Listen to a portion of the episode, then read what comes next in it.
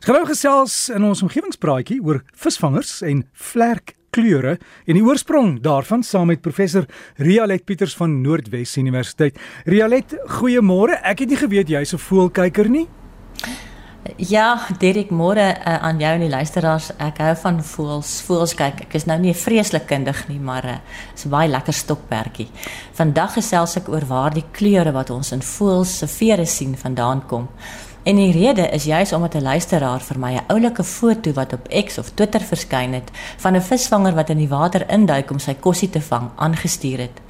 Die foto is geneem op die oomblik dat die voël deur die water se oppervlak breek op pad af in die water in om die klein vis in sy snavel vas te knyp. Ek is gek na veelkleurige inheemse voëls en die visvangers is een van my gunsteling groepe met hulle lieflike turkoois kleure, donkerbloue en selfs pinkerige vere in sommige spesies. Daar is 87 visvangerspesies in die wêreld en hulle wissel in grootte van die groot kookaburras van Australië wat amper 'n half kilogram weeg tot die baie klein dwergvisvanger wat hier by ons voorkom en wat maar 'n skamele 2 tot 9 gram weeg. 16 van die 87 spesies kom in Afrika voor. En volgens my Sasol voels van Suider-Afrika kom daar 5 ware visvangerspesies en 5 halcyon visvangerspesies hier by ons voor. Ten spyte van die naam vang nie alle visvangers noodwendig vis nie. Die halcyon visvangers ehm um, of die sogenaamde boomvisvangers is grootliks landlewend en vreet insekte en klein reptiele in sodanige wan glo 'n vleermuis.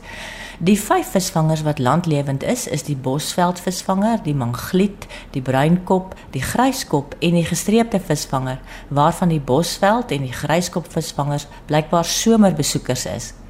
En van hierdie vyf spesies soek net die mangliet visvanger kos in waterhabitats en ook net in die winter. Die vyf visvangers wat regtig visvang is die reuse visvanger, die bont, die blou, die kuifkop en die dwergvisvanger wat hier by ons net in die somer te vind is. Maar voordat ek nou heeltemal die spoor byste raak en te ver van die onderwerp afdwaal, kom ons kyk bietjie waar die kleure wat ons in die vere van voëls sien vandaan kom. Een van die bronne wat ek geraadpleeg het, het reeds in 2021 verskyn in 'n joernaal bekend as Colorado Birds en is geskryf deur Christy Carello, 'n navorser aan die Metropolitan State University van Denver. Ek het ook 'n 2022 artikel van Britse navorsers wat in The Journal of Experimental Biology verskyn het geraadpleeg. Dit wat die kleure in vere veroorsaak, kan in twee kategorieë verdeel word. Kleur kan deur pigment veroorsaak word of deur ligte fraksie en weerkaatsing as gevolg van mikroskopiese strukture op die veer. En soms sommer deur beide. Daar's veral 3 pigmente in voëlvere: melanien, karotenoïde en porfirin. Melanien is 'n pigment wat in alle werweldiere voorkom en waar ons haar en velkleur byvoorbeeld vandaan kom en is die algemeenste pigment ook in voëlvere. Melanien word in die veer gedeponeer reeds in die follikel van die veer en is verantwoordelik vir kleure soos swart, roesbruin en selfs liggeel. Die melanien maak die vere sterk en beskerm die veer tot 'n mate teen die daaglikse verweer daarvan. Karotenoïde is ook redelik algemeen en verleen kleur nie net aan die vere nie, maar ook aan snavels en vel en is verantwoordelik vir helder gele, rooi en oranjes. Hierdie pigment kom eintlik in plante voor en moet die voël die plant vreet wat die pigment bevat of op iets voed wat die plant wat die pigment bevat gevreet het. Die voël se liggaam bou dan die pigment in die veer in wanneer dit gevorm word.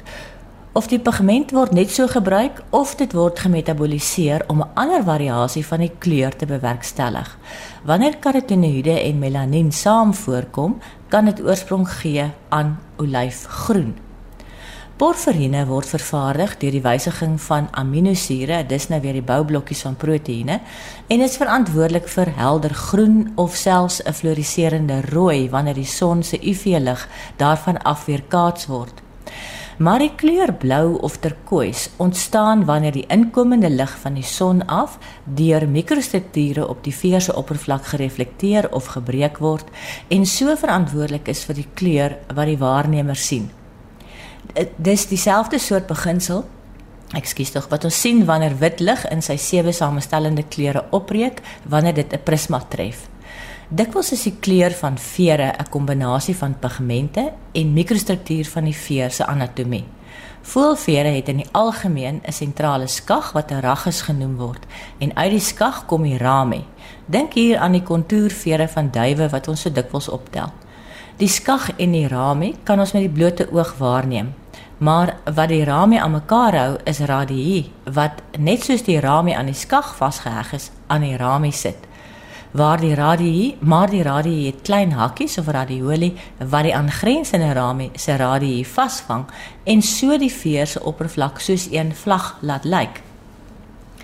Een van die mikrostrukture wat 'n rol speel in die strooiing van lig, is die sponserige materiaal in die rami van die vere. Die materiale waaruit 'n ramus bestaan, het verskillende brekingsindekse vir lig. Dit beteken dat wanneer 'n ligstraal by die oppervlak van die ligdeurlatende materiaal aankom, dit binne in die materiaal teen 'n ander hoek verder trek. Ons noem dit ligbreking.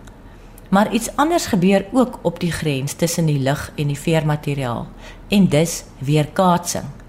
As die veer dus uit verskillende ligdeurlatende materiale bestaan, word lig teen verskillende hoeke weerkaats.